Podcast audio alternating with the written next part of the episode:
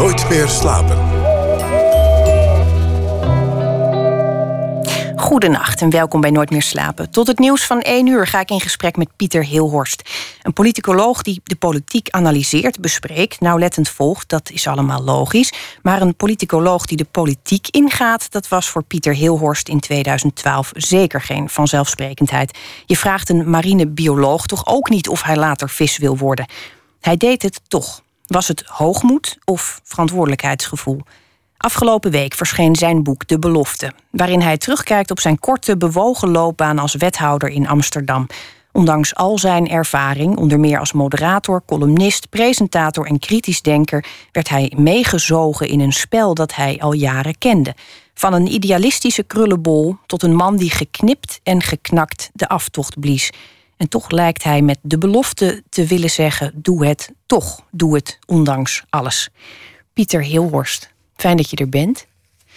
Je had een hele drukke mediaweek achter de rug en je hebt tegenover heel veel journalisten gezeten en uh, interviewers. Uh, heb je ook teleurgestelde kiezers tegenover je gehad? Want uh, toen ik jouw boek las, dacht ik: ah, ik vrees dat ik tot die groep behoor. Ja, dat is het boek voor jou bedoeld. Ja, nou dan is het natuurlijk de vraag of het geholpen heeft, maar daar. Uh, hoop ik, als het nog niet geholpen heeft, hoop ik daar in het komend half uur toch nog een bijdrage aan te leveren. Dat jij van een teleurgestelde kiezer tot een activistische burger uh, wordt. Ja, nou, ik weet niet of dat elkaar uitsluit, maar daar moeten we misschien ook nog achter zien te komen. Wat me vooral opviel tijdens dit uh, boek is dat alles waarvan ik altijd denk dat ik dat naar vind aan politici. En dat is met name dat spelelement. Je weet niet of ze echt zijn. Je weet niet welk deel ze spelen. En uh, ik vind het prettig als ik tegenover iemand zit om te kunnen peilen met wie heb ik te maken. Dat, zodra ik weet dat iemand in de politiek zit, dan, dan merk ik al aan mezelf een soort terughoudendheid. Alsof iemand tijdens een etentje ineens bekend. Oh ja, ik ben trouwens psycholoog. Dan voel je ook altijd even een soort. Oh, wat het. heb ik gezegd? Nee, dat is wel een mooie omkering. Want bij een psycholoog denk je, hij doorziet mij. En zodra iemand zich bekend maakt als politicus, dan denk je, oh, ik doorzie jou.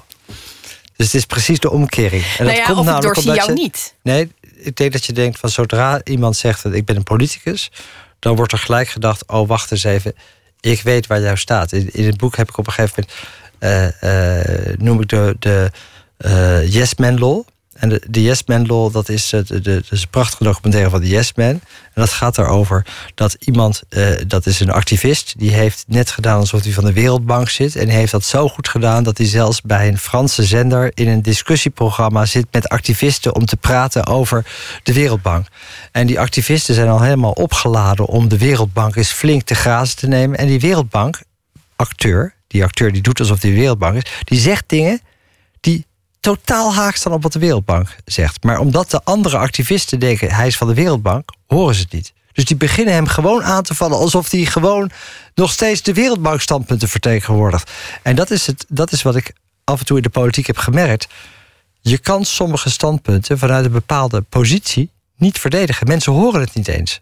En dat is iets, dat is iets heel beangstigends. En dat is ook soms dat als je politicus bent, dan gaan mensen er bij voorbaat van uit dat je een geheime agenda hebt. Dat je eigenlijk de politiek in zit omdat je dat zelf doet. Dat je alleen maar geïnteresseerd bent in macht.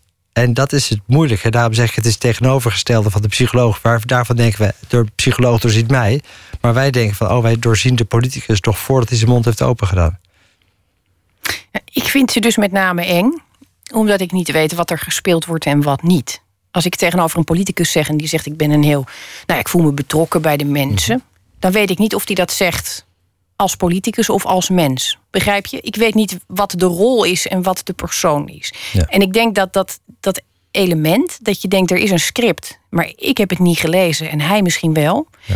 Dat geeft een heel is het, griezelig gevoel in de omgang. Je, zal ik nou even een, een. Is het belangrijk dat iemand meent wat hij zegt. Dat, je, je denkt om daar ja op te zeggen. Want dat, dat zijn we gewend. Mensen moeten authentiek zijn.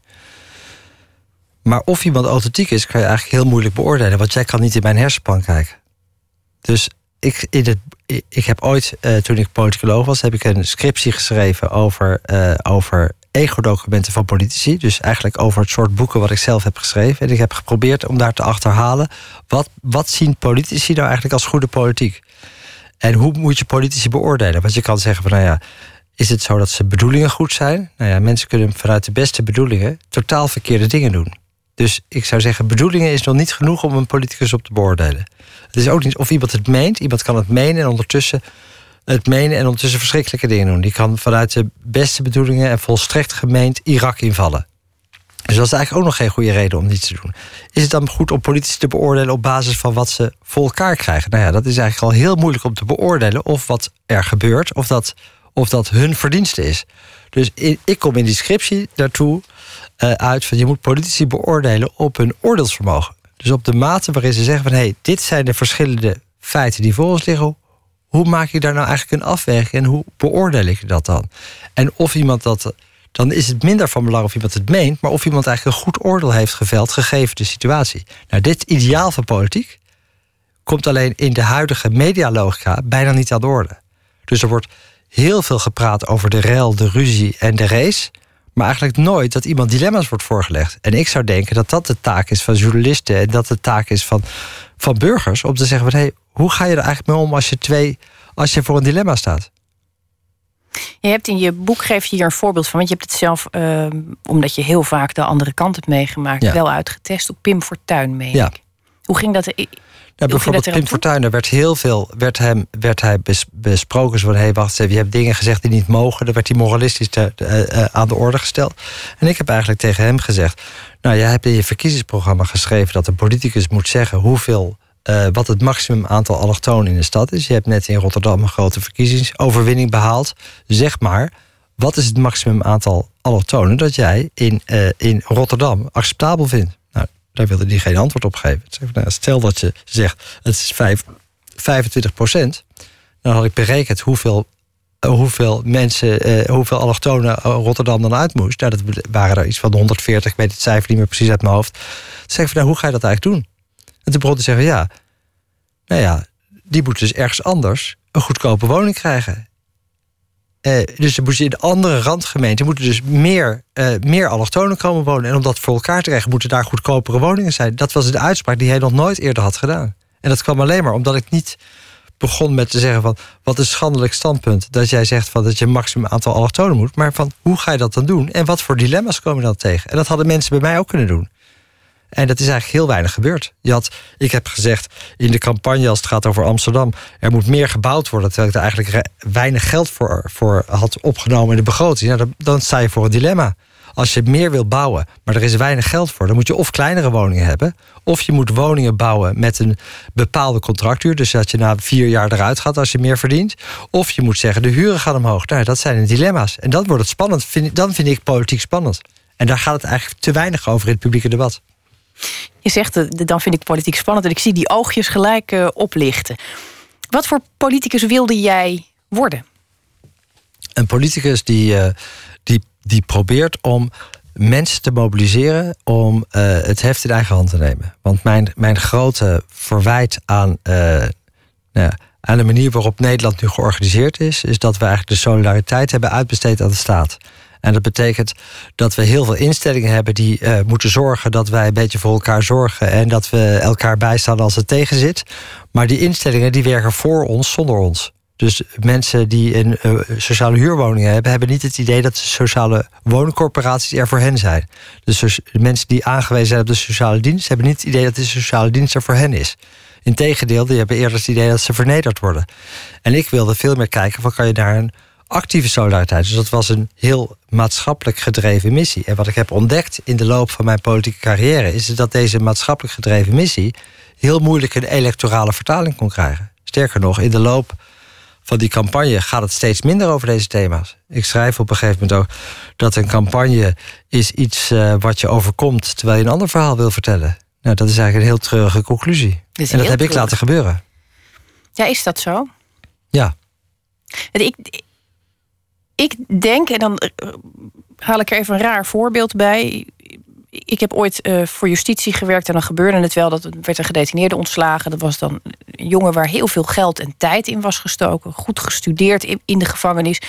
Had het hartstikke goed voor elkaar. Die ging naar buiten en die kwam terug in het oude systeem mhm. waar die vandaan kwam. Dus uh, slechte wijk, eh, ouders met een uitkering, veel criminaliteit, allemaal slechte vriendjes. En binnen een half jaar was hij weer op het slechte pad. En dan dacht ik al, dat ligt dat nou aan het feit dat wij die jongen niet goed genoeg hebben vormgegeven? Of ligt het aan het feit dat als je iemand met goede bedoelingen in een slecht systeem zit, dat het hoe dan ook misgaat? En als, als ik jou zo hoor, dan denk ik, ja, je kwam met hele goede bedoelingen de politiek in. En dan zeg je, ja, het is mij niet gelukt. Maar denk je, ja, maar is dat, zou de conclusie dan niet moeten zijn dat het systeem niet mogelijk heeft gemaakt dat, dat dit kon? kon had het echt gekund, denk jij? Als je het anders had gedaan, had het echt veel verschil gemaakt? Dat, ja, dat, kijk, dat is, dat is wat, wat naar mijn idee de essentie van politiek is. is de, dat het niet vast ligt wat er gebeurt. Dat er, dat er verschillende dingen mogelijk zijn. En dat, uh, dat nadat het misgegaan was, zeiden mensen vaak tegen mij: Jij kon er niks aan doen. Dat, is, dat, dat bedoelen ze als troost, maar ik vind dat de grootste belediging. Want dat betekent dat je eigenlijk zegt: De politiek is zo hermetisch gesloten, dat kan je niet openbreken. Dat is een zo'n deprimerende gedachte dat ik die probeer eigenlijk als een, als een, uh, uh, als een opdracht zag in het boek om daar tegen in te schrijven. Dus ik, heb, ik ben enorm teleurgesteld en niet, in de politiek. Ik heb heel veel teleurgestelde dingen gezien. Ik heb, ik heb mezelf teleurgesteld. En tegelijkertijd wil ik niet de conclusie trekken: het kan niet. Want als je dat, dat is een nog ergere conclusie dan dat ik misluk. Want dat betekent dat, dat het, dat het voor, voor niemand anders gegeven is om het te veranderen. En dat weiger ik te accepteren. Nou, dat siert je aan zich. Maar dit is, dit is denk ik de kern van wat ik net zei als, als teleurgestelde kiezer. Het gevoel, het gaat toch altijd hetzelfde. Ik stem op iemand, dat doe ik nou, nou toch heel wat jaren inmiddels. Ik stem op mensen. En uh, ik bedoel, er gaat dan vaak zoveel water bij de wijn. Dat, dat, je denkt, ik krijg Merlot, maar het wordt uiteindelijk Ranja. Dat heb ik niet besteld. Dit is niet, ik voel me dan niet vertegenwoordigd. En dat is gebeurd een aantal jaren op rij. En uiteindelijk trek ik en met mij helaas heel veel mensen de conclusie. Het deugt niet.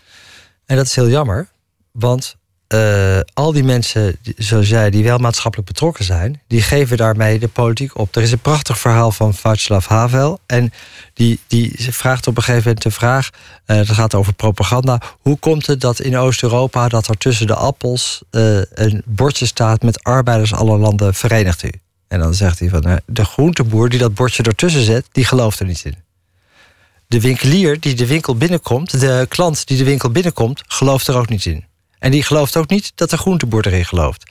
De partijfunctionaris of de, de vertegenwoordiger van de staat... Die de, die de groenteboer dwingt om dat bordje ertussen te zetten... weet dat de groenteboer er niet in gelooft... en weet dat de klant er niet in gelooft... en weet dat de klant ook niet gelooft dat de groenteboer erin gelooft. Dus waarom deze poppenkast?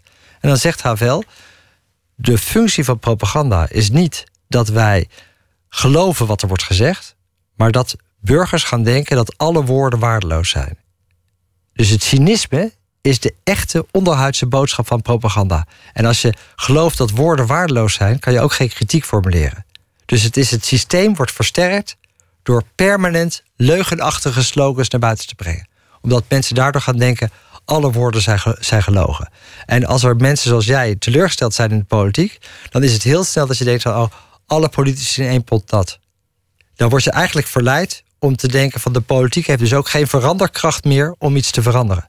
En daarmee ondersteun je precies het, de, de status quo, de gevestigde machten die we moeten bekritiseren.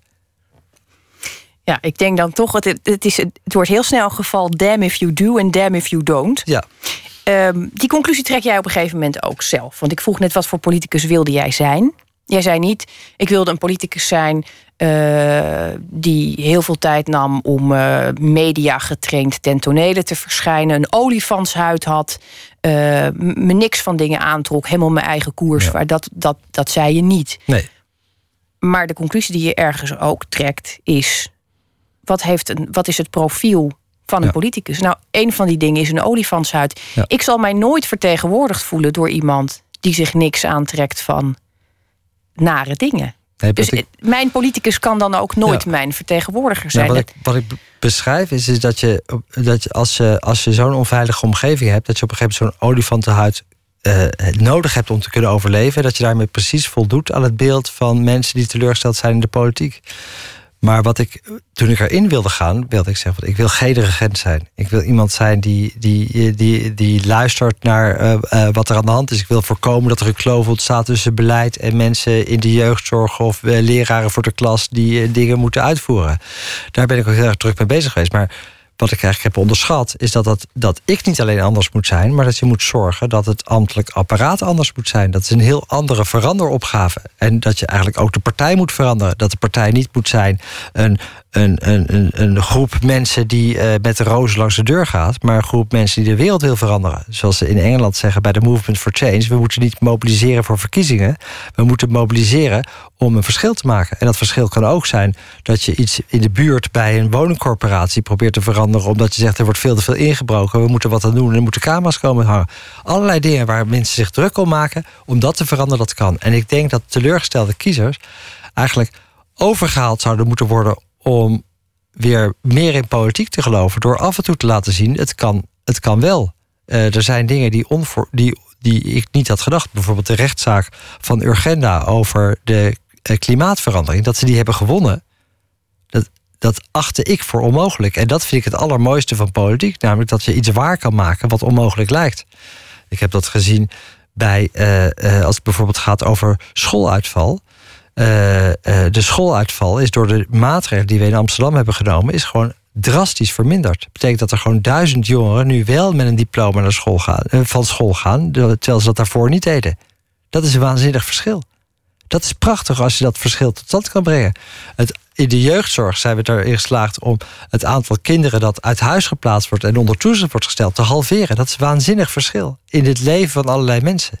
Het enige is dat mijn stelling is, is dat deze belangrijke maatschappelijke verschillen die, die, daar gaat het politieke debat steeds minder over. Omdat het politieke debat heel erg gaat over dat je zelf groot probeert te worden door een ander klein te maken. En de beste manier om een ander klein te maken is door zijn geloofwaardigheid ter discussie te stellen. En dat is wat in die korte periode dat ik in de politiek zat heel effectief gedaan is.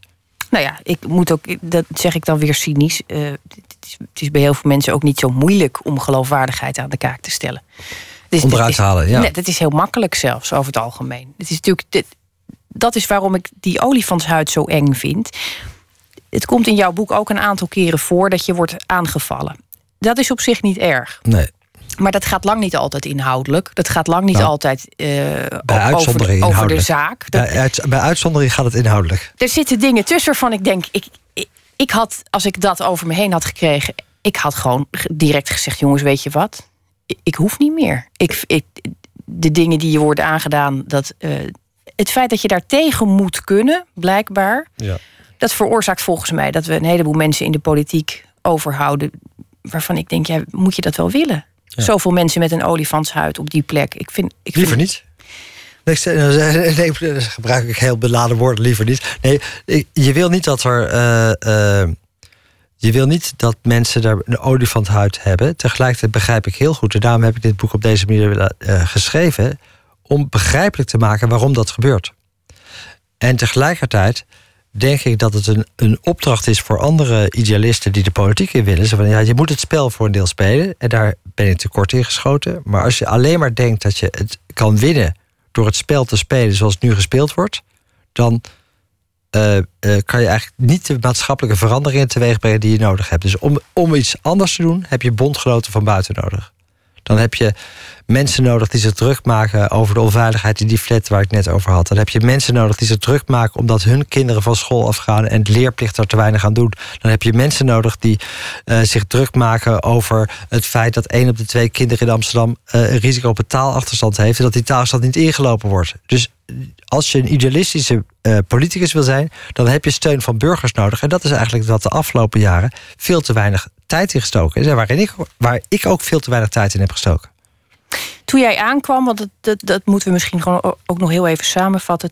Toen jij op die positie kwam, werd er gezegd onervaren. Nou, je had bakken ervaring op allerlei gebied. Ombudsman, uh, columnist, uh, ook heel veel als programmamaker bezig geweest met politiek, presentator.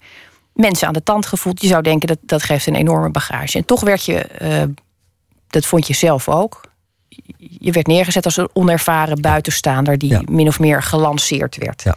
Dan kreeg je ook nog een zware portefeuille. Mm Jeugdzorg, um, Financiën en onderwijs. Financiën was met name onderwijs en jeugdzorg. Dat lag je na het hart. Maar financiën kreeg je er min of meer bij. Het is een gigantisch zware portefeuille. Zeker voor een buitenstaander. Eigenlijk achteraf gezien, zoals je dat nou eenmaal moet uh, concluderen, achteraf gezien is dat heel overzichtelijk. Dat vind je zelf ook. Uh, achteraf gezien denk je, daar zit al, daar, daar gebeurt iets vreemds. Ja. Hoe kan een buitenstaander een partij binnen worden gehaald, op die plek worden gezet met zo'n portefeuille? Wat, wat gebeurt daar? Dat is eigenlijk iets heel merkwaardigs. Nou, wat ik, uh, een van de voorbeelden bij het schrijven van het boek is, is en dan kom ik op die vraag terug dat, dat dus hoe kan dat? dat? Dat zegt iets over de staat van de partij. Want dat is het mooie van die anekdote van uh, Michael Ignatieff. Dat is een Canadese politicus die uh, hoogleraar was in Harvard, journalist, een enorm bewonderde schrijver. Ik, ik bewonderde hem al lang daarvoor. Die werd gevraagd of hij leider wilde worden van de liberalen in Canada. Die is dat geworden en die is er daarna met een enorme, enorme afgang weer toneel ver, ver, verlaten. En hij, stelt dan, hij schrijft daar een boek over en dan uh, stelt hij zich de vraag: hoe komt het dat ik mij niet heb afgevraagd wat, betekent, wat zegt het over een partij dat de buitenstaander als ik die positie kan krijgen? En zijn conclusie is eigenlijk dat betekent dat er echt iets grondig mis is met die partij. Ik heb bij die vraag ook niet gesteld. Ik heb alleen maar gedacht: dit is een buitenkans. Ik, ben, uh, ik, heb, ik heb al heel lang fantaseerde ik zo stiekem in mijn achterhoofd over van misschien wil ik nog wel eens de politiek in, maar dat was eigenlijk meer een fantasie. En nu kwam dat opeens op mijn pad, omdat ik veel samen heb gewerkt met Lodewijk Asscher. En hij zei van, nou ja, waarom probeer je het niet?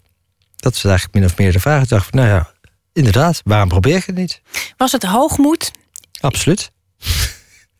Maar ik denk ook, op het moment dat jij de mond vol hebt over wat er allemaal beter moet, kennis van zaken hebt, je hebt jarenlang het fenomeen bestudeerd, en iemand zegt: uh, Pieter, waarom ga jij het niet doen? Ik, ik, ik weet niet, hoogmoed zal een rol spelen. Maar, het is ook een beetje wie A zegt, moet B zeggen. Neem je verantwoordelijkheid. Nee, maar het is, kijk, hoogmoed is wat je achteraf uh, concludeert van... hé, hey, je hebt jezelf overschat. Maar op zich het idee dat je denkt... wacht eens even, ik kan, ik kan iets voor elkaar krijgen... wat nog nooit gepresteerd is. Kijk, dat, dat is natuurlijk prachtig. In, op 1 januari 2012 had ik de kans dat ik uh, uh, 1 december of 1 januari 2013 wethouder was, had ik op 0% geschat. Dus ik heb daar iets waargemaakt wat onmogelijk leek. Namelijk als buitenstaander zo'n positie veroveren. Dat komt ook omdat, je daar, omdat, je, omdat ik mensen heb verleid om te zeggen: Weet je wat, kies nou voor de kans dat je iets bijzonders krijgt... in plaats van dat je probeert om risico's te mijden. Dat is heel bijzonder in de politiek. Want bijna altijd proberen mensen de risico's op korte termijn te mijden. En, uh, uh, en da daarmee nemen ze een risico op lange termijn. Nou, dat is iets heel bijzonders. Dat betekent dat er soms bijzondere dingen gebeuren in de politiek. Datzelfde geldt dat als je een tijd geleden had gevraagd... is het mogelijk om de helft van het aantal kinderen... dat nu onder toezicht wordt gesteld en uit huis geplaatst te krijgen... dat dat niet nodig is? Zeggen mensen dat is onmogelijk. En op een gegeven moment door een andere manier van werken is dat waargemaakt. Dat is het allermooiste. Dat is ook tegenover jou als teleurgestelde kiezer. Kijk naar waar het verschil gemaakt kan worden. En hoe kan je nou de krachten waar zo'n verschil gemaakt kan worden, hoe kan je die versterken? En dat is waarom ik de politiek in ging.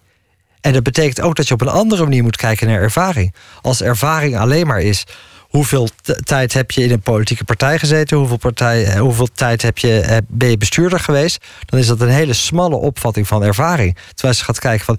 ben jij in staat geweest om iets waar te maken wat onmogelijk leek? Dan heb ik daar meer ervaring in dan heel veel andere politici. Ik, heb een, uh, ik had een broodfonds opgericht. Dus dat betekent 50 mensen die met elkaar voor elkaar zorgen als een van de zelfstandigen door ziekte geen inkomen heeft. Dat is een klein wonder. Dat, zijn, dat, vind, dat vind ik ervaring. Namelijk dat je mensen weet te mobiliseren en mensen weet te motiveren om met elkaar iets, iets, iets te veranderen. Beschouw jij jezelf nu als een oud politicus? Want ik zit naar je te kijken en ik, uh, ik, ik denk, kan je zo in de kamer zetten? Nee, ik ben. Ik ben, ik ben Kun je dat, is dat weg? nee, het grappige is, is dat ik laatst was ik in een, in een debat en daar werd ik aangekondigd als politicus. Weet je? En, en ik ben geen politicus, maar bij een politicus wordt iets anders gedaan dan wanneer je zegt geweest, je bent. Uh, uh, je bent uh, bij wijze van spreken bibliothecaris geweest. En je bent nu ben jij, doe iets heel anders. Je bent nu uh, verzekeringsman. Dan zegt iemand, je nog in de verzekering werd... ah, daar hebben we onze bibliothecaris. Terwijl bij politicus wordt er wel gezegd... als je eenmaal politicus bent geweest, wordt er toch steeds... oh, je bent ex-politicus. Ik ben, nu, ik ben nu gewoon sociaal ondernemer. Dat is wat ik ben. Dat betekent dat ik dingen doe, uh, dat ik een, een, bedrijf heb om verandering in de samenleving tot stand te brengen met actieonderzoek en het organiseren van pilots voor gemeenten. Dus eigenlijk ben ik geen politicus meer, maar dat zal nog altijd wel aan me blijven kleven. Dat betekent ook dat als je iets zegt, dat mensen nog steeds denken: oh, dat zeg je omdat je politicus bent geweest. Maar ik ben geen politicus meer en ik ga ook nooit meer een politicus worden. En weet je dat zeker? Ja. Is dat een beslissing die je genomen hebt? Ja, dat, dus uh, als ik zeg. Dat, is de, ik bedoel, dat was bijvoorbeeld gisteravond had ik met vrienden een etentje. Die zeiden van ja, er is een hele rare tegenstelling in jouw boek. Want je zegt tegen anderen: doe het, ga de politiek in. En voor jezelf heb je de conclusie getrokken: nooit meer de politiek in. Dus waarom wil je anderen iets aandoen wat je jezelf wil besparen?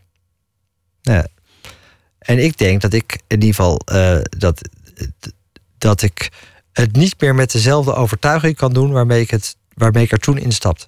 Dus je moet, je moet zoiets doen vanuit een zekere hoogmoed. Vanuit het idee van hé, hey, ik ga het verschil maken. En voor mij is die, is die uh, uh, is het, is wat er niet gelukt is, draag ik met me mee. En ik kan niet zo snel meer de overtuiging hebben dat ik het nu, dat ik het nu beter zou doen, omdat ik denk dat ik er op allerlei terreinen ongeschikt voor ben. Dus waar ik wel een rol zie in, voor mezelf, is dat ik eigenlijk steun ben voor andere mensen die een idealistische politicus willen zijn. Door namelijk een, uh, met te wijden aan het organiseren van zo'n beweging van burgers. Teleurgestelde burgers zoals jij. Dus wij gaan na deze uitzending onmiddellijk ons verenigen om samen te denken van hoe gaan we de wereld veranderen? Want de wereld is gewoon niet mooi genoeg. De wereld is niet eerlijk genoeg. En de wereld is niet duurzaam genoeg. Nee, dat zijn allemaal dingen waar ik het natuurlijk alleen maar van harte mee eens kan zijn. Jouw aftocht ging eigenlijk net zo snel als je lancering. Het begon met een komma en vervolgens stapelde het zich op. Wat dat betreft is het boek, denk ik, uh, verfilmingsmateriaal. Ik denk dat als dit goed verfilmd wordt, dat je een hele spannende film krijgt. En wie, en wie, wie gaat mij dan spelen? Ja, dat is de vraag. Nou, je hebt misschien zelf uh, tijd. Je haar is weer teruggegroeid. Mijn haar is weer teruggegroeid. maar ik ga nooit meer naar de kapper voor die rol. Ik denk dat dat een heel goed uh, streven is. Ja, dat je sowieso niet meer naar de kapper gaat, uh, omdat iemand anders vindt dat dat nodig is. Nog één vraag. Ik heb het boek gelezen en ik zocht het woord schaamte. Dat heb ik nergens aangetroffen. En ergens vond ik dat wel heel prettig. Want je kunt terugkijken op, op uh, allerlei dingen die er misgaan. Maar dat proefde ik bij jou niet. Ik had wel het gevoel dat je uiteindelijk je volhield. Nou, Eberhard van der Laan zegt het op een zeker moment: je bent een rare kwiebus, maar in je kop zit het goed. Ja. toen dacht ik, volgens mij is dat je redding geweest. Of ben ik te optimistisch? Nou, het is wel. Uh, het is wel hard werken om je niet te laten bepalen door teleurstellingen. En ik denk dat dat ook is voor een teleurgestelde kiezer of voor een teleurgestelde idealist. Er zijn heel veel mensen die zijn teleurgesteld en laten uiteindelijk hun handelen en hun denken bepalen door de teleurstelling. En daar probeer ik tegen te vechten. Dus ik probeer te kijken van nee, maar wacht eens even. Als het niet op deze manier kan, hoe kan het dan wel? Er zit zo'n prachtige uitspraak in. Mislukken bestaat niet. Ik heb heel veel manieren ontdekt waarop het niet werkt. En laten we nu een manier verzinnen waarop het wel werkt. Dus dat was wat ik toen ik ombudsman van de Varen was, was ik daar ook steeds naar benieuwd naar van oké, dit kan niet, maar wat kan wel? En uh, op dit moment ben me bezig met, schulden, uh, met schuldhulpverlening. En dan probeer ik hetzelfde te denken. De helft van de mensen die zich aanmelden bij schuldhulpverlening wordt niet geholpen. Hoe kunnen we zorgen dat we iets verzinnen waardoor ze wel geholpen kunnen worden? En, uh, en het is jammer als je je laat bepalen door de teleurstelling, omdat je dan eigenlijk. In mijn boek schrijf ik op een gegeven moment. realisten die zeggen altijd: idealisten zijn naïef. Want het is heel makkelijk om te laten zien welke streven mislukten. Maar realisten zijn ook naïef. Want ze hebben heel veel kansen laten ze liggen. Omdat ze bij voorbaat zich al neerleggen bij hoe het nu is. En dat wil ik niet doen. Dankjewel Pieter Hilhorst. En die nemen we mee de nacht in. Straks na het nieuws gaan we verder met het tweede uur. Dan leest Gustav Peek een kort verhaal bij het nieuws van vandaag. Dat en meer straks na het nieuws van 1 uur.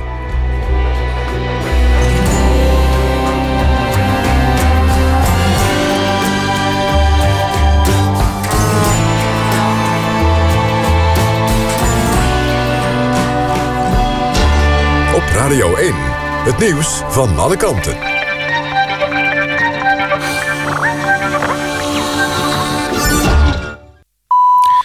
1 uur, Jeroen van Kam met het NOS Journaal. De groep van ongeveer 50 vluchtelingen die weigerden om te overnachten in een sporthal in Goor brengt daar toch de nacht door. RTV Oost meldt dat de groep na langdurig overleg alsnog naar binnen is gegaan. De vluchtelingen waren ontevreden omdat ze al weken in sporthallen slapen en vrijwel geen privacy hebben. Een bus reed daarom weer verder, maar keerde aan het einde van de avond toch weer terug. Waar ze in de tussentijd zijn geweest is onduidelijk. In Schiedam is een man om het leven gekomen nadat hij was geschept door een auto. Tientallen meters verder kwam de auto tot stilstand tegen een boom. Volgens RTV Rijnmond is de bestuurder op de vlucht geslagen. Toen de politie arriveerde was de auto leeg.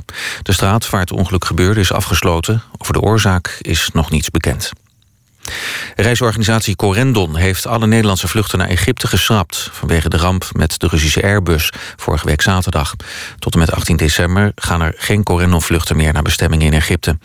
Reizigers krijgen een alternatieve bestemming aangeboden... of kunnen kosteloos annuleren. Sinds gisteren zijn ook alle reizen van Toei en Neckerman naar Sharm el-Sheikh geschrapt. Amerika bouwt in Irak en Libanon nieuwe aanmeldcentra voor Syrische vluchtelingen. Ze kunnen daar een asielaanvraag doen voor de VS, zegt persbureau Reuters. President Obama zei in september dat zijn land van plan is volgend jaar zo'n 10.000 vluchtelingen op te nemen. Door de komst van de nieuwe locaties kunnen twee keer zoveel aanvragen in behandeling worden genomen. De republikeinse presidentskandidaat Ben Carson moest vandaag toegeven dat hij heeft gelogen over zijn opleiding. In zijn autobiografie schrijft hij dat hem een plek was aangeboden op de prestigieuze militaire academie West Point. Maar dat blijkt niet te kloppen. De gepensioneerde neurochirurg wordt gezien als de grootste uitdager van vastgoedmagnaat Donald Trump. Het weer, het blijft bewolkt en zacht met van tijd tot tijd regen. Minima vannacht rond de 14 graden.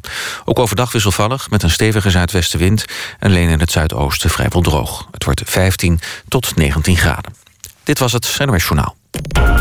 NPO Radio 1. VPRO. Nooit meer slapen.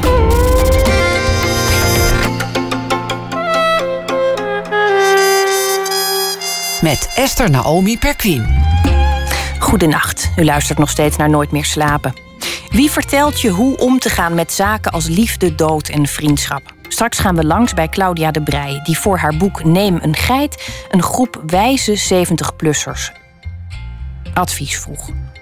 En wat is er eigenlijk zo aantrekkelijk aan het kwaad? Die vraag leggen we voor aan de makers van de voorstelling De Familie Manson. Maar we beginnen dit uur zoals altijd met een kort verhaal bij het nieuws. En dat is een taak die Gustav Peek deze week op zich heeft genomen. In 2006 debuteerde hij met de roman Armin en daarna volgde Dover en Ik was Amerika. En vorig jaar verscheen zijn meest bejubelde roman Godin Held. Gustav, goedenacht. Goedenacht. Hey. Jij bent de hele week eh, brieven aan het schrijven geweest. Klopt, ja, klopt. En uh, de laatste alweer. Ik ging me halverwege afvragen, is, bestaat die broer echt? Ja, nee, die broer bestaat echt hoor. Dat... ja, dat, dat kan natuurlijk zomaar van niet. Ja, nee, uh, ik, ik, ik had hem uiteraard zomaar kunnen verzinnen. Dat, uh, dat, dat had niet heel veel uitgemaakt. Maar, maar in, in, in dit geval uh, bestaat hij echt en loopt hij elke rond in een stad op Midden-Java. Nou, prachtig. Ik hoop dat hij luistert. Ik weet niet hoe het precies met de tijdsverschillen zit, maar... Je brief zal hem in ieder geval bereiken, dat, uh, dat is duidelijk. Dat, dat, denk ik ook. Ja, we gaan de, de laatste brief uh, met graagte van je vernemen. Yes. Lieve broer. Nederland is een klein land aan zee. Waar hebben we het over? Klei, heidegrond, een weinig woest oppervlak. Maar net genoeg bomen voor boten. Een geschiedenis. In 1628 kapen Piet Hein en Hendrik Lonk de Spaanse zilvervloot. Zoals het konvooi van schepen heet dat kostbaarheden van Amerikaanse koloniën naar Spanje vervoert. Hein en Lonk, beide in dienst van de West-Indische Compagnie, verschepen de buit naar hun thuisland, de Republiek der Zeven Verenigde Nederlanden. Piet Hein heeft de mythologie van mijn land betreden, maar die Hendrik Lonk is zover niet gekomen. Toch zit hij aan de bron van het verhaal waar ik nu even een lange aanloop voor neem. In 1630 trekt Lonk met een vloot van 20 schepen een groot stuk van Brazilië uit de handen van de Portugezen. Hierdoor komt de West-Indische Compagnie in aanraking met de Portugese infrastructuur van slavernij en slavenhandel. In 1623 hadden de Nederlanden slavenhandel nog als onethisch afgewezen. Maar na de verovering van Brazilië bleek de nieuwe goudader te veel te glimmen om niet bloot te hakken. In 1661 dan schildert Rembrandt van Rijn in zijn komplaats Amsterdam twee zwarte mannen. Moren werden mensen met een dergelijk donker exterieur toen genoemd. En zo heet het schilderij dan ook. Twee Moren. Zwarte mensen beginnen voor het eerst in Amsterdam te verschijnen aan het einde van de 16e eeuw.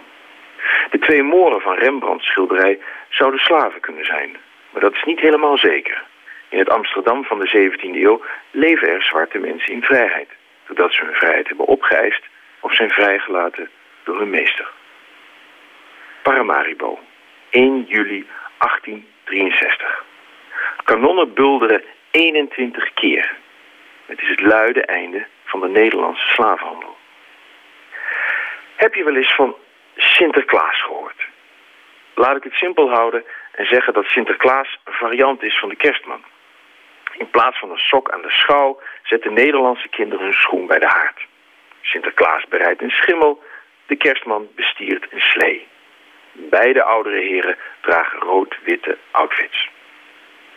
In 1850, dus 13 jaar voor het afschaffen van de slavernij, in het prentenboek Sint-Nicolaas en zijn knecht, krijgt Sinterklaas voor het eerst hulp van een naamloze, donkere man. Sinterklaas is op dat moment in de tijdlijn van mijn land al ruim vier eeuwen een culturele entiteit. Gisteren had ik het met je over Twitter. Vandaag typ ik voor het eerst in mijn leven het woord Tumblr. Op dat medium is iets viraal gegaan, wat belangrijk is voor mijn brief. Het is iets wat Muhammad Ali ooit heeft gezegd in 1971. Het is in het Engels. There are many white people who mean right and in their hearts want to do right. If 10,000 snakes were coming down that aisle now and I had a door that I could shut, and in that 10,000, a thousand meant right. A thousand rattlesnakes didn't want to bite me. I knew knew they were good. Should I let all these rattlesnakes come down, hoping that that thousand get together and form a shield? Or should I just close the door and stay safe? Jij en ik, lieve broer, wij zijn aan iets ontsnapt. We bestaan niet meer ter ondersteuning van het blanke deel van de wereldbevolking. Elke zwarte piet is een duw terug in de tijd. Hou je goed, liefhebbende broer, Gustav. Gustav, dank je wel. Je hebt een, uh, je hebt een heleboel thema's aangeraakt uh, deze week. En uh, ik hoop dat je broer daar net zo van genoten heeft als wij. Kijk, dank je wel. En ik wens je voor nu een heleboel goede nachtrust. Dank je wel, dank je wel. Claire Martha Effon McKay heet ze voluit. En dat is wat lang, dus brengt ze haar muziek uit onder de naam Martha Fion. Dit is haar nieuwe single, So Long.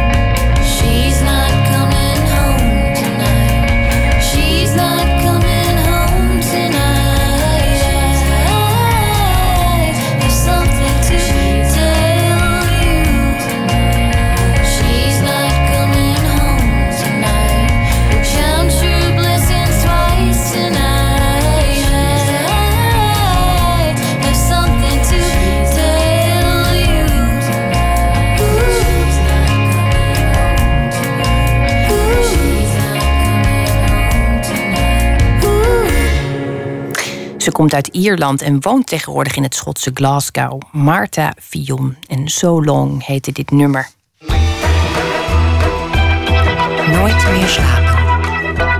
Tot je ongeveer 20 bent, word je gewild of ongewild door Jan en Alleman van adviezen voorzien. Maar daarna moet je het zelf maar uitvogelen hoe dat nou eigenlijk werkt, het leven. Toen cabaretier en zangeres Claudia de Brij tegen de 40 begon te lopen, merkte ze dat ze in de war was. Ze was net gescheiden, opnieuw verliefd, verhuisd en overwerkt. Ze ging op zoek naar levenswijsheden samen met haar vriendin, journaliste Jessica van Geel. Zij interviewde samen daarvoor bekende mensen van boven de 70. Zoals Hanneke Groenteman, Hans Wiegel en Geert Mak. En nu is er het boek Neem een geit. Emmy Collau spreekt Claudia de Brij. Die eerste keer dat ik eh, aan zo'n boek dacht, was eigenlijk nog voor ik ging scheiden zelfs. Voor ik eigenlijk bedacht dat ik ging scheiden ook. Maar achteraf was er dus een zekere onrust in mij. Ja, ik was gewoon zoekend. Ik weet niet wat er is, maar er is iets mis. Uh, Megan McNeil gevoel. Alleen alles was goed. Maar alles was helemaal niet goed. Maar ik wist ook niet waarom dan niet. We zitten op zolder van het huis van Claudia de Brij in Utrecht. Haar ruimte, zegt ze. Hier staan haar boeken, kan ze muziek draaien en werken. Als we de trap opkomen, verontschuldigt ze zich voor de puinhoop, die er niet is. De vloer is net als de muren en de designbank spierwit. De regen tikt op het dakraam. Weet je, nu heeft iedereen navigatie, maar vroeger had je van die dingen langs de weg. Zo'n kaart waarop dan staat, u bevindt zich hier. En ik had het gevoel van, ik, ik, ik, ik zit op dat punt, u bevindt zich hier. En er moeten mensen zijn die al weten waar de weg naartoe gaat. En die wil ik, die wil ik, ik zoek zo'n kaart, weet je wel. Mensen die, die terug kunnen kijken op deze periode van het leven en, en hem al begrijpen. Hoe te leven, dat was de vraag. De levenslessen die ze vond bij 70-plussers als Hanneke Groenteman, Paul van Vliet en Hans Wiegel staan nu in haar boek Neem een geit. Neem een geit, dat is een oud uh, Joods verhaal dat Hanneke Groenteman ons vertelde. En uh, zij had het weer van Renate Rubinstein. Het uh, gaat over een man ergens in Oost-Europa in zo'n uh, armzalig dorpje. Die woont in een klein hutje. En die gaat naar de rabbijn omdat hij helemaal gek wordt van zijn vijf gillende kinderen. Er is te weinig te eten, er is geen geld. En hij trekt het niet meer, dus hij vraagt de rabbijn... Rabbi, wat moet ik doen? En dan zegt de rabbijn, um, neem een geit en kom volgende week terug. Nou, hij vindt het eigenlijk een heel slecht idee, maar doet alles wat de rabbijn zegt. En dan uh, komt hij een week later terug met het verhaal dat hij knettergek is geworden. Want naast een zwangere vrouw, vijf kinderen in het klein huisje... heeft hij nu een poepende, piezende geit die ook nog eens alles opeet. En dan zegt de rabbijn, doe die geit weg. En um, toen Hanneke dit vertelde, zat ik eerst een tijdje glazig, te kijken. Zei ze, ja, dan heeft hij ruimte, snap je? Dan heeft hij ruimte. En ik heb het later voor mezelf toegepast als dat je soms... heb je een geit genomen, onbewust... door ja te zeggen tegen iets waar je eigenlijk misschien geen zin in hebt. Van feestjes tot werk, tot relaties, van alles. En daar dan van jezelf van mogen zeggen, ik doe het niet... Uh, dat, is, dat is heel fijn, dat is een geit wegdoen. Het staat op de achterflap van het boek. Ze is 40 geworden dit jaar.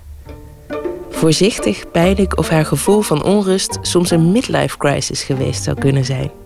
Ja, die term valt nu vaker omdat ik natuurlijk met het boek kom. Denk ik, zou ik nou een midlife crisis hebben gehad? Ik, ik geloof het. Ja, nou ja, wie weet. Ik heb geen Harley.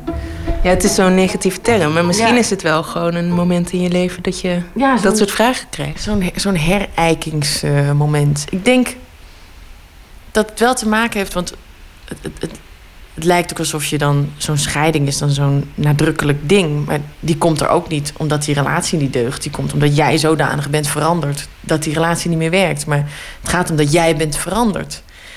En, en dat veranderen, dat is denk ik wel, dat zal wel ergens midlife-achtig gebeuren. Dat je, bent eerst alleen maar aan het bouwen, hè? de hele godganse tijd aan het opbouwen en een carrière proberen te krijgen. En dan proberen een gezin te stichten. Dat is allemaal bouwen, bouwen, bouwen. En tijdens dat bouwen kijk je eigenlijk niet zo om je heen, denk ik. Of heb je daar minder ruimte voor? Het is meer.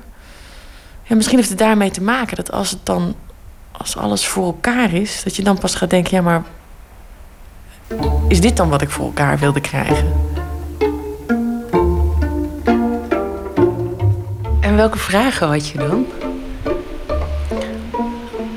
Ehm, nou, vooral veel dingen over omgaan met uh, de eindigheid van het leven.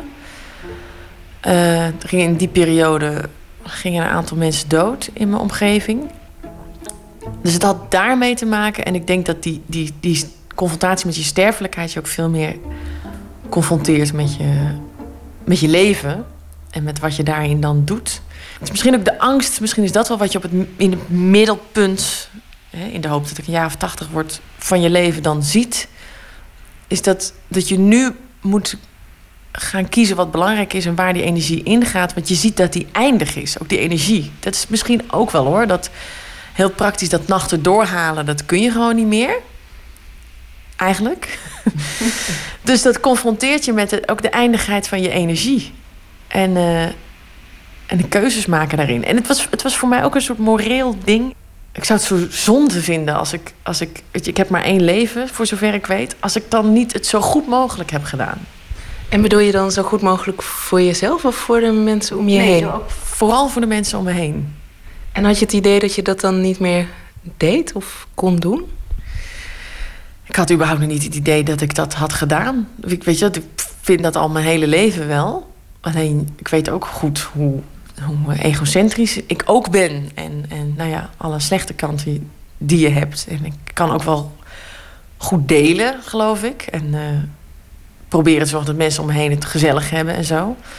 Maar ja, dus het is ook heel veel wat je niet goed doet. En mensen die je teleurstelt omdat je met je eigen dingen bezig bent. Ja, mensen die je teleurstelt en überhaupt ook je, je plek in de wereld. Uh, ik kan daar ook echt mee worstelen hoe, hoe, hoe, relevant jij bent voor de wereld. In principe natuurlijk helemaal niet, want hè, gaat niets niet gebeuren als ik uh, morgen het loodje leg of zo. Weet je, dan wordt het nog steeds over een paar maanden lente en uh, alles gaat gewoon door. Maar als je een jongen bent met een afwezige zwarte vader en een blanke alleenstaande moeder die op Hawaii geboren wordt en in Indonesië woont, kan je toch uiteindelijk de machtigste, meest bepalende man van de wereld worden. Je kunt, je kunt er wel toe doen. Het kan wel een verschil maken. Wat je doet. En hoe groot of hoe klein. Ja, god, het is, klinkt weer zo tegeltjesachtig, maar dat fascineert me enorm. Je hebt wel eens getwijfeld over de politiek, volgens mij. Ja, nou echt getwijfeld. Het klinkt alsof ik bijna eh, mails schreef naar politici. Zo groot is het ook weer niet, maar wel... Het trekt wel. Ja, iets in me trekt, of iets, iets daaraan trekt aan mij. Uh, maar er is vooral heel veel wat me erin afstoot. Leven voor gevorderden is de ondertitel van het boek. Er staan lessen in als wees trouw, maar maak ook ruzie. Het is geen wedstrijd en er is een clubje waar je wel bij hoort. Misschien staat de kern van het boek wel op pagina 118. Eigenlijk weet je het allemaal wel. Maar ja, probeer het maar eens na te leven. Ja, ga het maar eens doen. Het was een, uh, het was een les van Hanneke Groenteman. Zij zei, ja, eigenlijk weet je het allemaal al. Weet je wel, die, die relatie waar je in zat. Als die eindigt, denk je, ja... Eigenlijk had ik toen en toen toen het zo ging, al moeten beslissen dat we niet verder zouden gaan. Maar ja, toen stond er misschien wel een reis gepland. Of was er net een, een, een schoonouder die ziek was. Of weet ik, er zijn heel veel redenen die ook liefdevol zijn. Hè? Het is, het is, ik vind het niet goed om, als je niet op je eigenlijks hebt gehandeld, jezelf daarvoor af te straffen of zo. Dat is een hele mooie les van René Gude. Wees mild. Uh, Kijk mild terug op wat je in het verleden hebt gedaan. Kijk terug met een zekere mildheid. Maar eigenlijk weet je het allemaal al. Eigenlijk wist je ook als kind al wie je later wilde worden. En, en maar ja, het is maar ergens raak je dat dus blijkbaar als mens kwijt. Ik denk dat ja. dat heel algemeen is. Ja. En uh, is het dus heel moeilijk om al deze levenswijsheden ook ja. te onthouden en ook echt na te leven. Maar is het ergens ook niet schitterend? Ja, nou zit ik dus weer misschien mijn eigen valkuil te trappen... dat ik het weer mooi maak. Maar als ik het dan relateer aan dat ik als kind al dacht... ik sta later in Carré. Dacht ik echt. Nou, het sloeg nergens op. Maar als ik dan alleen maar was blijven denken... eigenlijk weet ik dat, dus het gebeurt... was het niet gebeurd. vanwege al die onzekerheid en al die strijd en al die afwijzingen en al die keren dat ik dacht, het zit er toch niet in, heb ik er zo hard voor geknokt dat het inderdaad is gebeurd. Weet je, het is ook een heel, heel, heel ingewikkeld waar iets een, met terugwerkende kracht een self-fulfilling prophecy blijkt. Of dat je het echt al wist. Ja, het maakt ons ook heel erg mensen. Dat je dus al die dingen wel weet, maar dat je er vervolgens niks mee doet. Nee, dat is, het zou ook hondsaai zijn als we dan... Gadverdamme, wat een... Dan zou, je, dan zou je allemaal van die hele stijle gereformeerde mensen... die zich ook echt aan alle wetten houden, krijgen. Weet je wel? Als je het, dan, ja, er moet toch een hoop misgaan, wil het een beetje leuk worden. Maar ja, wat moeten we dan met jouw boek? Dan moeten we het lezen, maar deels ook weer... Uh... nou, nee, ik denk wel dat je... Uh, nou, dat geldt voor mij. Daarom heb ik het uiteindelijk ook opgeschreven. Ik heb, ik heb in mijn leven tot nu toe heel veel gehad aan de woorden van een ander. En voor mij gold het heel vaak ook met liedteksten. Dat is voor mij echt een bijbel, weet je. Als ik dan... Er zitten ook een aantal liedteksten in. Zoals dat zinnetje, dat is van T. Lau. Vergeet niet wie je bent, is wie je altijd bent geweest. Als je dan denkt, op een gegeven moment voelde ik mezelf een hele pik, weet je wel. Als je dan televisie maakt, helemaal in de make-up en je bent gestyled. Dan denk je, ja, ja, ja, kijk mij eens. Maar ik was nog steeds die sukkel uit HAVO 4 met die te hoge spijkerbroek. En dat slechte haar, dat ben je. En dat ben je, dat ben je nooit niet meer. En dat is ook goed, weet je wel. Nou ja, dat soort, dat soort regels, uh, of het nou uit poëzie is of... Uh, weet je, zo'n zo, zo, ding van Judith Hertzberg, dat kennen heel veel mensen van... Uh, hoe is dat toch gekomen van altijd blijven slapen tot nooit meer willen zien? Als iemand dat een keer heeft opgeschreven, denk je: Oh, ik ben dus niet de enige die dat absurde verschil kent en heeft meegemaakt. Dus nou ja, dat is eigenlijk vooral de reden om het op te schrijven. Dat je weet dat je niet alleen bent.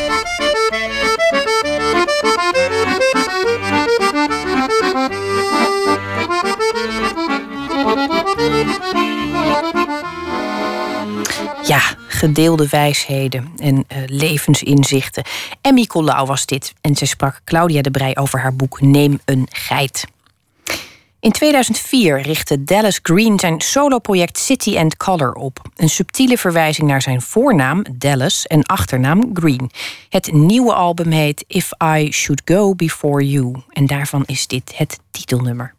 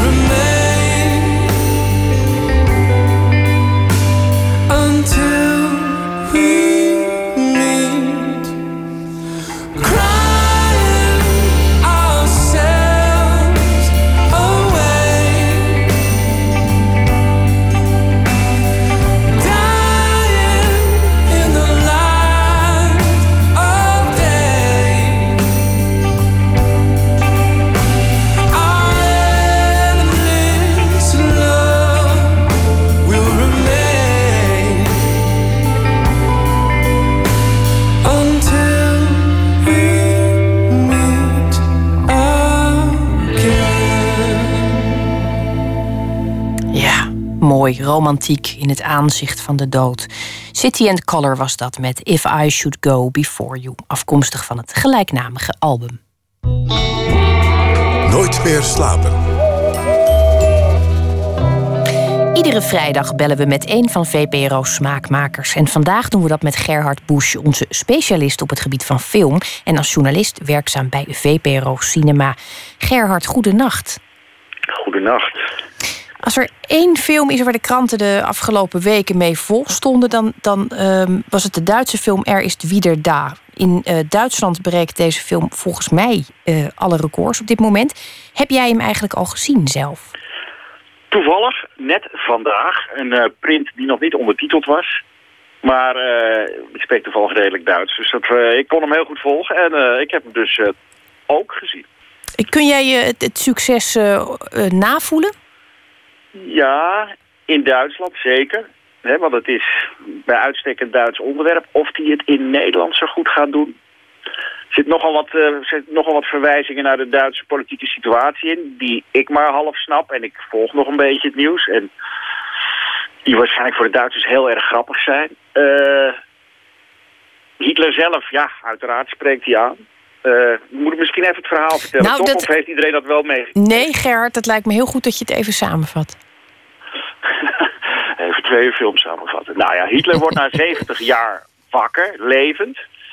En uh, wordt ontdekt door een uh, mislukte filmmaker van een commercieel tv-station... die hem, niet dat het een, een, een imitator is, maar wel een hele goede. En die neemt hij dan mee door heel Duitsland om te kijken hoe mensen daarop reageren. En je zal verwachten, reageren ze daar niet altijd op zoals je zou verwachten. Namelijk, uh, je bent een gore massamoordenaar en wat doe je hier? Je moet de bak in of nog erger.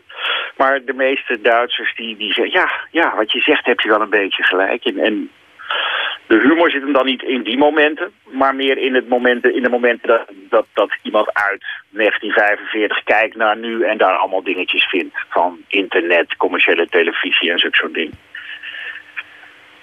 Dus dat is het verhaal. Ja, nou, ik vind het wel... ik kan er niet veel meer van maken. Ik vind het een ontzettend goede samenvatting, moet ik zeggen. Uh, het, de charme zit hem erin, als ik het goed begrijp... dus ook in de combinatie van een historisch gegeven... en de huidige samenleving, de confrontatie tussen twee werelden. Ja, en uh, daar, het was eerst een boek, hè, dat was een million seller. En, en, en film is dan weer heel anders. Want het boek, dat was... Uh, dan, dan zit je eigenlijk in het hoofd van Hitler. Nou, dat kan bij een film niet. Of in ieder geval heel erg moeilijk. Dus, uh, en de makers hebben wel iets heel slims verzonnen. Die laten Hitler dan uh, in zijn kleren. En hij ziet er behoorlijk goed uit als een Hitler. De man die hem maar speelt, de acteur. Uh, die laten die dan gewoon op straat met candid camera of met camera. Maar zodat mensen denken dat, dat hij het niet echt is. Maar dan zie je toch heel veel verrassende reacties. En dat levert vaak wel vrij spannende cinema op. De momenten dat het een soort plot krijgt en, en dat is dan weer wat minder. Want de Duitsers, vind ik, hebben niet zo heel veel gevoel voor humor. En bij hun is humor al gauw heel kluchtig. Dus dat kluchtige gedeelte vind ik niet zo sterk. Maar de momenten dat hij uh, met de camera en de acteur op straat gaat... en, en daar allemaal reacties op tekent, die, die zijn vaak wel heel spannend. En, en ontluisterend natuurlijk. Want schijnt dat hij 380 uur heeft opgenomen van die straatinterviews. En uiteindelijk zitten er maar een paar keer mensen in de film die zeggen... wat moet dat hier, ga weg, schande en zo. De meeste mensen die willen met hem uh, op een selfie. Nou, Gerhard, dat is een ontluisterend uh, detail. Ik ben blij dat je ons dat niet uh, onthouden hebt. Ehm, een andere film, Gerhard, die we veel voorbij hebben zien komen. We hebben de afgelopen dagen daar ook aandacht aan besteed. Son of Soul. Uh, Dat is de andere kant van de Tweede Wereldoorlog. En die film beschrijft twee dagen uit het leven van een Joodse man... in het uh, vernietigingskamp Auschwitz-Birkenau. In alle media wordt die film bejubeld en het uh, regent ook vijf sterren recensies. Jij hebt hem ook gezien en ben je in dit geval net zo enthousiast? Nou, ja, ja, ik ben wel enthousiast en ik geef hem vier sterren, dus, dus geen vijf. En daar ben ik al een beetje de uitzondering op de regel, geloof ik. Maar ik weet nog wel, ik, ik zag hem en uh, ik, ik kan een heleboel dingen die die film doet, en jullie hebben het erover gehad, dus heel veel is al bekend, maar heel vierkant kader, zodat je helemaal niks om hem heen ziet. Je volgt de man heel dicht op een ka eh, met de camera op zijn rug. En dan blijf je de hele tijd achter. En, en alles wat hij ziet is een beetje onscherp. En met hem loop je, eigenlijk ren je bijna, zo hard gaat het. Ga je door het hele uh, vernietigingskamp Auschwitz. Maar ik kwam buiten en ik, ik dacht, ja, ik weet wat die maker heeft willen zeggen. En ik weet hoe en ik vind het slim en moedig en knap. Maar toch had het niet de impact die ik van mezelf verwachten zou. En ik denk dat het juist dat dat is omdat de, de manier waarop hij filmt... laat het eigenlijk aan de kijker over om zich alles voor te stellen... hoe, hoe erg het wel niet was. Maar het geeft de kijker dus ook de ruimte om dat niet te doen. Hè, om dat niet voor te stellen. En dat omdat het bijna onvoorstelbaar is, wat mij betreft. En dat heb ik dus ook een beetje gedaan. Dus die film had niet die verpletterende impact die, uh, die het blijkbaar op al die andere recensenten wel heeft. Maar ja, toch nog steeds een hele mooie film van een hele jonge, uh, eigenwijze, knappe filmmaker. Dus ik ga niet zeggen dat die slecht is, bijvoorbeeld. Nee, nou, ik vind het wel mooi wat je zegt. Want het wordt in feite een appel gedaan op de, op de lenigheid van je empathie. Oh, ik weet niet of ik zo blij ben met wat jij daar zegt. Uh, ja, nou, misschien wel. Of, of ja, als je het zo wil zien, dan heb ik geen empathie, nee. Nou, dat heb ik niet gezegd. Ik, eh, ik vind het nogal wat om het te verwachten van de kijker. Ik, ik uh, ben zelf ooit in uh, Auschwitz geweest... en zelfs toen ik er rondliep kon ik me er niets bij voorstellen. Dus wat dat betreft ah, sta je niet alleen. Nee. gelukkig. Nee, maar dan snap ik ook... Ja, inderdaad. Je, je bedoelt met de lenigheid misschien vraagt hij wel iets te veel van de kijker. Ja, hoe ver kun je nou meegaan? Klopt. En hoe ver wil je meegaan? Hoe ver kan je meegaan? Maar goed, het is, het is nog steeds uh, een van de meest belangwekkende films zeker. En een van de verrassendste films dit jaar. Dus de hype is ook wel een beetje terecht. Meer terecht dan de hype rond uh, Er is wieder. Of de hype rond uh, James Bond bijvoorbeeld van de laatste dagen. Dat is allemaal een beetje opgeklopt, maar, maar dit, is, dit kwam uit niets. En, en het is een Hongaarse maker, hè, die ging nog op zoek naar geld in Israël en in Duitsland. Hè, waarvan die dacht, nou misschien gaat het lukken.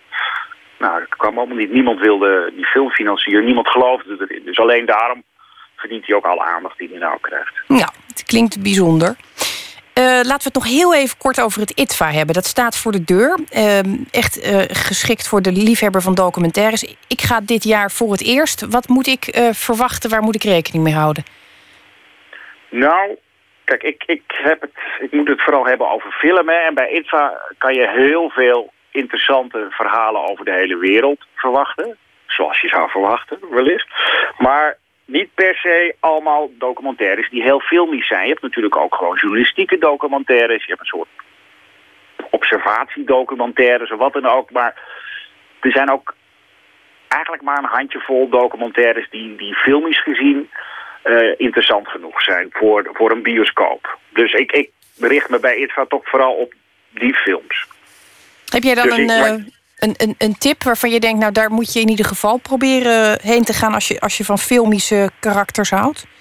Nou, dan moet je zeker naar... Uh, de, de, ze hebben altijd een hoofdgast, hè? of in ieder geval een gast die dan zijn eigen top 10 moet samenstellen. Nou, de gast die dat dit keer mag doen is Errol Morris. Dat is wel een van de grootheden. Een hele eigenzinnige Amerikaanse filmmaker die... Uh, jaartal weet ik niet meer, 2003, 2004 in ieder geval een Oscar kreeg voor de documentaire The Fog of War. En uh, alleen zijn documentaires zijn al zeer de moeite waard. Uh, maar dan heeft hij ook nog uh, tien fantastisch eigenzinnige, dwarse, rare documentaires geselecteerd in die top 10. Dus als je films van hem ziet en die top 10, dan heb je in ieder geval een paar hele goede films te pakken. Nou, ik ga dat onthouden, Gerhard. Dank je wel voor je adviezen.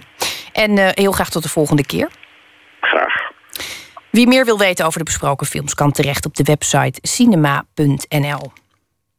Voor een muzikant die meerdere hits op zijn naam heeft, is er eigenlijk bitter weinig bekend over Aubrey Wilson. De Amerikaanse soulzanger was in de jaren 60 en 70 actief en uit die periode komt ook dit nummer, She Used to Be Mine. Don't ever be mean to her.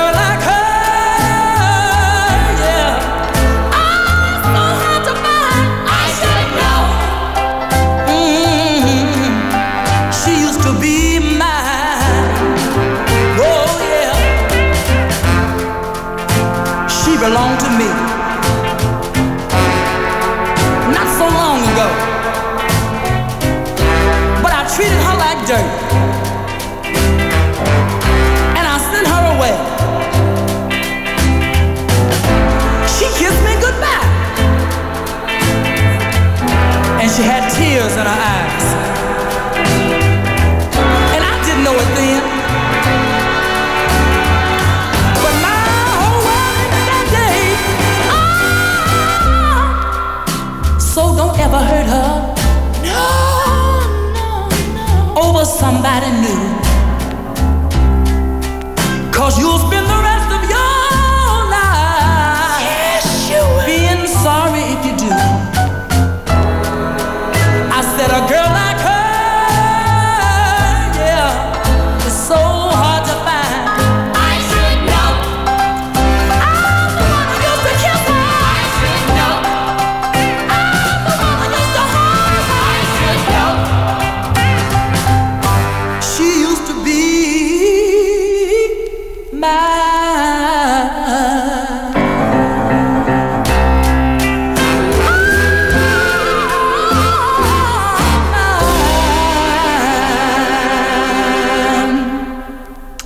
De mysterieuze Aubrey Wilson was dat met She Used to Be Mine. Nooit meer slapen. Charles Manson is een Amerikaanse crimineel die in de jaren 60 secteleider was. En die zijn volgelingen zover kreeg de meest brute moorden te plegen. Hij zit nog altijd vast, maar groeide ook uit tot een soort duivelse wereldster. Voor velen belichaamt hij het kwaad in de mens. Zo ook voor Lars Doberman.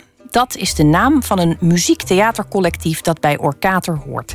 En op dit moment spelen ze de try-outs van hun voorstelling De Familie Manson. Verslaggever Botte Jellema ging er naartoe en ontmoette de Dobermannen. Reinoud Scholte van Aschat, Matthijs van de Sande Bakhuizen... Matthias van de Vijver en Jip van den Dol. Jullie waren van plan om in Vught in een een boerderij te gaan zitten. Klopt dat? Ja, ja, ja dat klopt, ja. Ja, we hebben, we hebben eigenlijk als, ehm, als eh, voorbereiding, maar ook als, ja, als onderdeel van de repetitieperiode... dachten we, we gaan een week lang in een uh, Reinouds... Een, boerderij van mijn opa. ja, de boerderij in Vught. En dat is gewoon, daar is gewoon heel veel natuur. En daar kan je heel goed terugtrekken en, uh, en brainstormen. En met name heel veel muziek maken. We hebben daar een soort muziekstudio gebouwd. Met al onze instrumenten die we konden vinden. En uh, ja, om een soort van, uh, een soort van eerste opzet te maken. En heel veel, heel veel te produceren qua muziek. Zodat, dat, zodat we dat dan later kunnen inpassen. En ja, het is heel fijn om je even als, als, als soort van groep terug te trekken. En ja. volledig vrij te kunnen brainstormen over... Uh, is fijn om even weg te gaan dan. Maar Matthijs, ik had ook begrepen dat jullie er ook nog iets anders van plan waren. Namelijk om een soort van secte-sfeer te creëren daar. Ja, dat heb ik misschien wel gezegd om, uh, om, de, om, de, om, de, om de spanning wat uh, op te drijven. Nee, uh, ja. Het had ook gekund. Het had, had gekund. gekund ja. Maar we hebben dat uiteindelijk niet gedaan.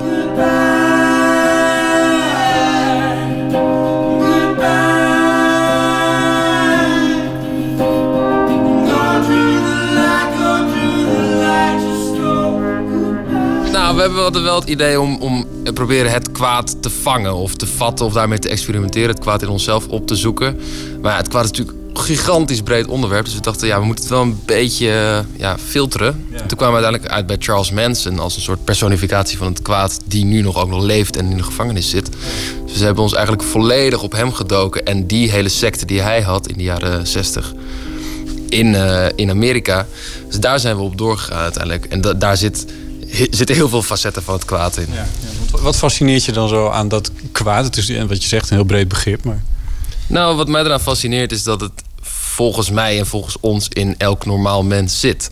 En uh, hoe, hoe goed je ook denkt dat je zelf bent, of hoe goed je doet, of dat je met respect met de natuur omgaat. Iedereen heeft een soort klik ergens zitten waar het opeens zou kunnen omslaan. En daar hebben we heel veel onderzoek naar gedaan. Ook allemaal psychologieboeken gelezen over hoe normale mensen kunnen worden verleid tot het kwaad. Dat, dat vonden we het meest interessant. Ja, ja. Ja. Ja, want dat, dat begrijp ik dan ook. Dat jullie eh, met name het boek van eh, Dale Carnegie eh, daarbij hebben gebruikt. Vertel, kunnen jullie, komt dat uit datzelfde interview? Dat was, dat was inderdaad uit. eh, nee, ehm, we hebben toen we Charles Manson aan het bestuderen waren. Dat was. eh, hij wordt heel vaak ehm, vergeleken met de duivel op de een of andere manier. Omdat hij ehm, eh, mensen heel erg kon manipuleren of verleiden. En eh, hij had een groep ja, jonge vrouwen, maar ook mannen om zich heen verzameld... die hij had verleid om eigenlijk hem te volgen en alles te doen wat hij zei. En, eh, ja, en, en dat is natuurlijk ook... In de, ja, de duivel kan zich ook vermommen, ook als Jezus Christus. Dus, dus, hij, dus hij, hij was een soort van... Als een soort van heilige. Niet dat hij- hij dat zelf zei over zichzelf, maar de anderen zei, behandelden hem zo. En hij ja, heeft al is een soort van zijn hele jeugd heeft hij eh, ja, in eh, instituten geleefd en in jeugdgevangenissen. En daar heeft hij op een gegeven moment een boek, dat boek van Dale Carnegie ontdekt. En hij heeft dat eigenlijk gebruikt eh, als. Reinhard, vertel eventjes wat voor boek dat is. Eh, de- het boek van Dale Carnegie heet How to Win Friends and Influence People. En dat is een Amerikaanse bestseller uit, 19, uit de jaren 30, volgens mij 34 of zo. 36. En, eh, en, en dat is een, eigenlijk een soort, een soort zelfhulpboek over ehm, hoe je. Ja, hoe je, ik denk dat het ook heel erg mensen kan eh, manipuleren. Ja, maar heel erg toegepast, denk ik, op het bedrijfsleven. Eh, in ieder geval niet op deze manier, hoe hij het dan heeft eh, toegepast. Maar hij was daar heel erg door gefascineerd. What is it about him compared to other people you've met in your lifetime that makes him so unique and different? Um, Charlie always tells the truth, no matter what. Het is heel vreemd dat hij zo is uitgegroeid tot een, eh, tot een soort cultheld. Ehm, de media heeft hem ook totaal ontdekt. Ehm, in ieder geval in die tijd, in de jaren 70, begon het allemaal met het boek Helter Skelter. Wat soort van ook een bestseller is geworden. Dat was een advocaat, geloof ik, hè? Of tenminste van de, de aanklager. Aanklager, ja. Vincent Bugliosi, eh, die, heeft da- dat, eh, die heeft daar heel veel ja, geld mee verdiend. In ieder geval heel veel kopieën van verkocht. En, eh, en het werd ook echt onderdeel van de rechtszaak, de media. En ehm, ja, de camera ving hem een beetje. Dus, de, dus, dus hij is een soort beroemd. Charles Manson bedoel je? Ving Charles Manson in eh, interviews. Er zijn heel veel interviews gegeven met hem ja, in de gevangenis. Eh, tot op zekere hoogte. Op een gegeven moment mocht het ook niet meer. Maar op, ja, tot ergens in de jaren 90 of zo mocht dat nog. Mochten ze in de gevangenis in California eh, hem filmen. I don't want to take my time going to work. I got a motorcycle and a sleeping bag. Maar daar heeft hij, is hij eigenlijk doorgegaan met dat, met dat prediken wat hij, wat hij gedaan heeft. I'm the king, man. I run the underworld, guy. I decide who's does what and where they do it at. Toen is hij eigenlijk doorgebroken. Toen is hij doorgebroken als, eh, als wereldster. When am I going to run around and act like I'm some teeny bopper somewhere for somebody else's money? I make the money, man. I roll the nickels. The game is mine. nou ja, want dat, dat is dan interessant, want dan gaat het dus over dat manipuleren. Ook wat in dat boek van, eh, van Carnegie eh, staat. Het Mm. manipuleren en het eh, eh, eh, in, indoctrineren eigenlijk. Eh, want dat komt ergens raakt het ook wel een beetje theater natuurlijk. Muziek. Muziek is eh, een soort, eh, een soort hypnosemiddel. Ehm, dat is, eh, daar komen we wel achter, ja. Je kan echt met, eh, met muziek ja, mensen indoctrineren of ze een bepaalde kant op sturen. Hoe werkt dat? Ja, ik weet dat niet, maar ik vind het wel heel fascinerend. Eh, Zo, je doet het toch? Nou ja, maar ik weet niet precies eh, wetenschappelijk hoe dat werkt. Waarom een mineurakkoord in één keer heel dramatisch wordt... en een majeurakkoord of een bepaald ritme... waardoor je denkt iets vrolijks of iets levendigs krijgt. En dan kan je de meest gruwelijke dingen krijgen... dan eh, kan je een, een jasje omheen doen. En dat kan met kwaad dus ook. Dat kun je met kwaaie dingen kun je dat dus ook. Ik, ik, denk, ik denk dat inderdaad... Wat zijn de sterkste voorbeelden jullie? Dat, wat dat, want jullie hebben je nu verdiept in mensen. eh, die filmpjes die van hem bestaan. En die staan inmiddels allemaal op YouTube. En die worden miljoenen keren bekeken ook. Wat zijn de sterkste voorbeelden die jullie wat dat betreft hebben gezien? Ja, ik heb veel interviews ook gezien dat ik, eh, en dat vond ik ook eng om te merken, dat ik met hem mee was. Hij wordt heel snel gezien als een soort gek. Eh, die rare dansjes doet, een rare bekken trekt, en zijn tong uitsteekt en hele van de hak op de tak springt. Because our polar caps are melting because we're doing bad things to the atmosphere. If it doesn't come to one world now, there will be no planet. There will be no life on the planet. Maar ik had toch bij een paar interviews dat hij dingen zegt over de natuur en hoe wij over de, met de aarde omgaan of zo. Dat je denkt van ja, dan heb je best een punt. En dan gaat hij dan even serieus op door. En dan denk je, dan ben ik mee, dan ben ik mee. En dan eindigt hij met een gigantische glimlach op zijn gezicht... alsof het allemaal een grapje was. En dan denk je, shit, ja, zie je? Misschien was dat toch, is dat ook waar, waar zijn volgelingen dan mee te maken hadden of zo? You've got to accept yourself as God. You got to realize you're just the devil just as much as you're God. Hij heeft heel veel charisma. Hij is gewoon echt een, hij is echt een. We hebben uren aan materiaal van hem bekeken. En op de een of andere manier ga je van hem houden. Je kan het niet, je kan het niet stoppen. Voordat ik hier aan begon. eh, ja, van hem houden. Maar je, hij, is, hij is interessant. Hij is intrigerend. Je wil, je, wil, je wil zien wat hij doet. Waarom hij het doet. Hij is heel erg. ehm, hij is gewoon een performer. En, en heel charismatisch. En je, je wil naar hem kijken. Je wil meer van hem. Ja, maar Want, ja, je herkende dat eh, heel erg? Eh, ja, nee, ja, ik herken heel goed die, wat de jongens beschrijven. Dat is gewoon zo, werkt zo. eh, ja, wij kennen hem natuurlijk alleen maar van beeld. We hebben hem nooit eh, zelf eh, ontmoet. Ik denk dat dat ook heel eng zou zijn als we hem echt zouden ontmoeten. Ik denk dat we niet weten wat we zouden moeten zeggen. En dat we Met zijn gewoon- swastika op zijn voorhoofd. ja, ik denk gewoon dat we overrompeld worden door zijn, door zijn zijn. Dat we gewoon stilvallen. Dus, We eh, veroordelen hem wel hoor. Ik bedoel, we zijn niet een soort van fans geworden. Nee, nee, of zo. ja, ja, Uiteindelijk. tuurlijk, tuurlijk. Moet wel even gezegd worden voor de goede woorden. The reason that the girls liked me was, hey now, hey now, I'm all around you, round you. Hey now, up on your heart I can sing through you. Ik weet het niet. Hij wou heel graag een eh, muzikant worden. Dat was zijn grootste ambitie. Hij wou een podium en hij wou gewoon een soort gigantische... Hij, al zijn, hij heeft superveel liedjes geschreven. En hij is nog steeds in de gevangenis. Schrijft hij liedjes op en akkoordenschema's. En die, en die worden dan op de een of andere manier... door volgelingen die hij nog heeft op internet gezet. Waardoor je eh, als het ware hem kan volgen van, eh, van buiten de gevangenis. Hij maakt kunstwerken en alles. Ik weet niet. Ik zou best wel eens, ik zou wel eens willen weten. Ik zou wel eens, ik zou wel eens willen weten hoe hij dan, hoe hij dan op die manier eh, communiceert of zo. Hoe het zou Met zijn als hij, als hij mee zou jammen met ons. Ja, wat hij zou inbrengen. Zou hij gaan rappen? Zou hij gaan jabberen? Zou hij gitaar gaan spelen? Ik weet ik. Zou ik wel, zou, ben ik wel benieuwd naar. denk dat we Kijk, al die, vragen van, al die vragen van waarom heb je dat, waarom heb je dit gedaan? Waarom heb je die mensen om je heen verzameld? Wie ben jij? Eh, waarom moest Sharon Tate nou eigenlijk dood? Eh, al die vragen.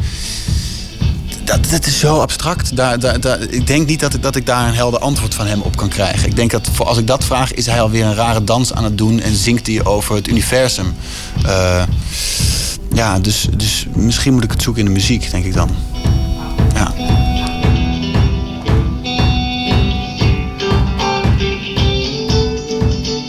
Reinoud Scholte van Aschat, Matthijs van de Sande Bakhuizen, Matthias van de Vijver en Jip van den Dol. Zij vormen het muziektheatercollectief Lars Doberman onder de hoede van Orkater. En zondag gaat de voorstelling De Familie Manson in première in de toneelschuur in Haarlem. En daarna toeren ze langs theaters in het hele land. Broken Bells is het zijproject van James Mercer, zanger van The Shines, en producer Danger Mouse.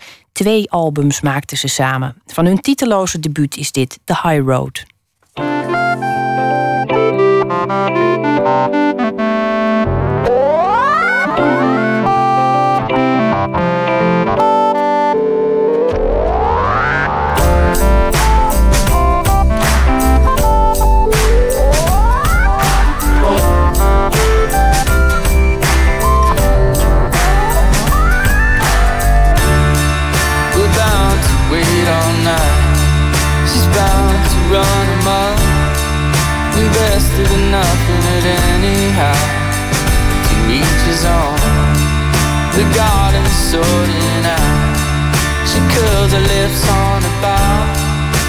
I don't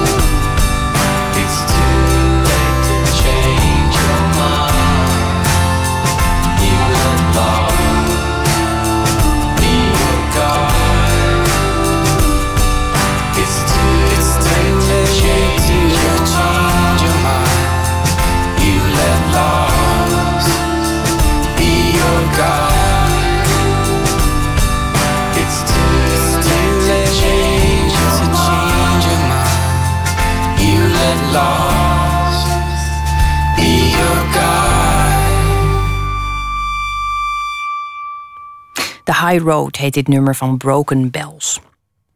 Dichter en beeldend kunstenaar F. Starik heeft meer dan tien dichtbundels gepubliceerd. En in de week dat hij bij ons vijf van zijn favoriete gedichten leest, verscheen zijn nieuwste bundel Staat. Het laatste gedicht dat F. Starik uitkoos is er een van Bernard Wesseling, De Haren uit het Putje.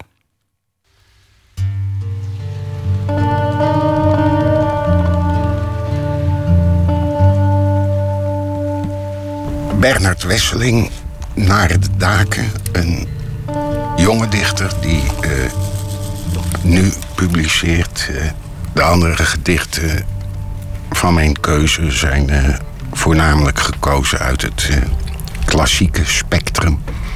En dit is een, een, een jonge stem, waarin evenwel opnieuw een sterke klassieke echo doorklinkt. Een verwijzing naar het huwelijk van Willem Elschot. De haren uit het putje.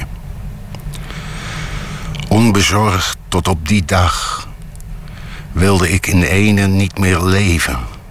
Alsof spijt de enige zonde zou zijn. Verhuftering en vertrutting deed ik voortaan wijselijk af. Als twee zijden van dezelfde medaille. Ik verschafte me een vriendin met wie je ook kon lachen. Een carrière kon niet uitblijven. Ik volgde een kookcursus, genoot van eten en gegeten worden. En las psychologische thrillers. De kennis waarvan ik me nu en dan bediende in gesprekken. Vaderschap aanvaarde ik joviaal. Ik raakte niet op mijn kinderen uitgekeken en ging tijdig vreemd om genietbaar te blijven. Kortom, mijn keuzes hadden een heilzaam effect op mij en de mijnen. Slechts één keer, een incident en een fictie bovendien, droomde ik dat gebrek aan strijd van mijn leven een onwaardig leven had gemaakt.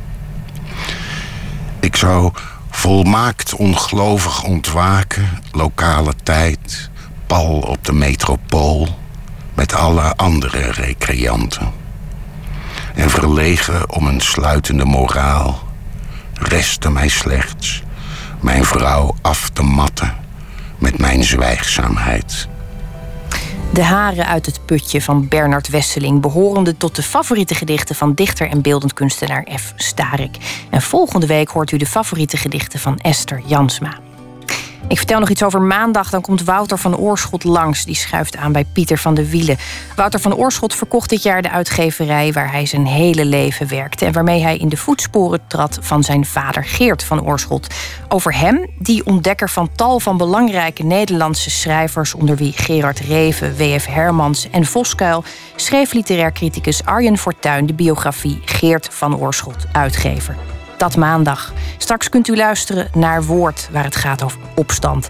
En ik wens u voor nu een hele mooie nacht.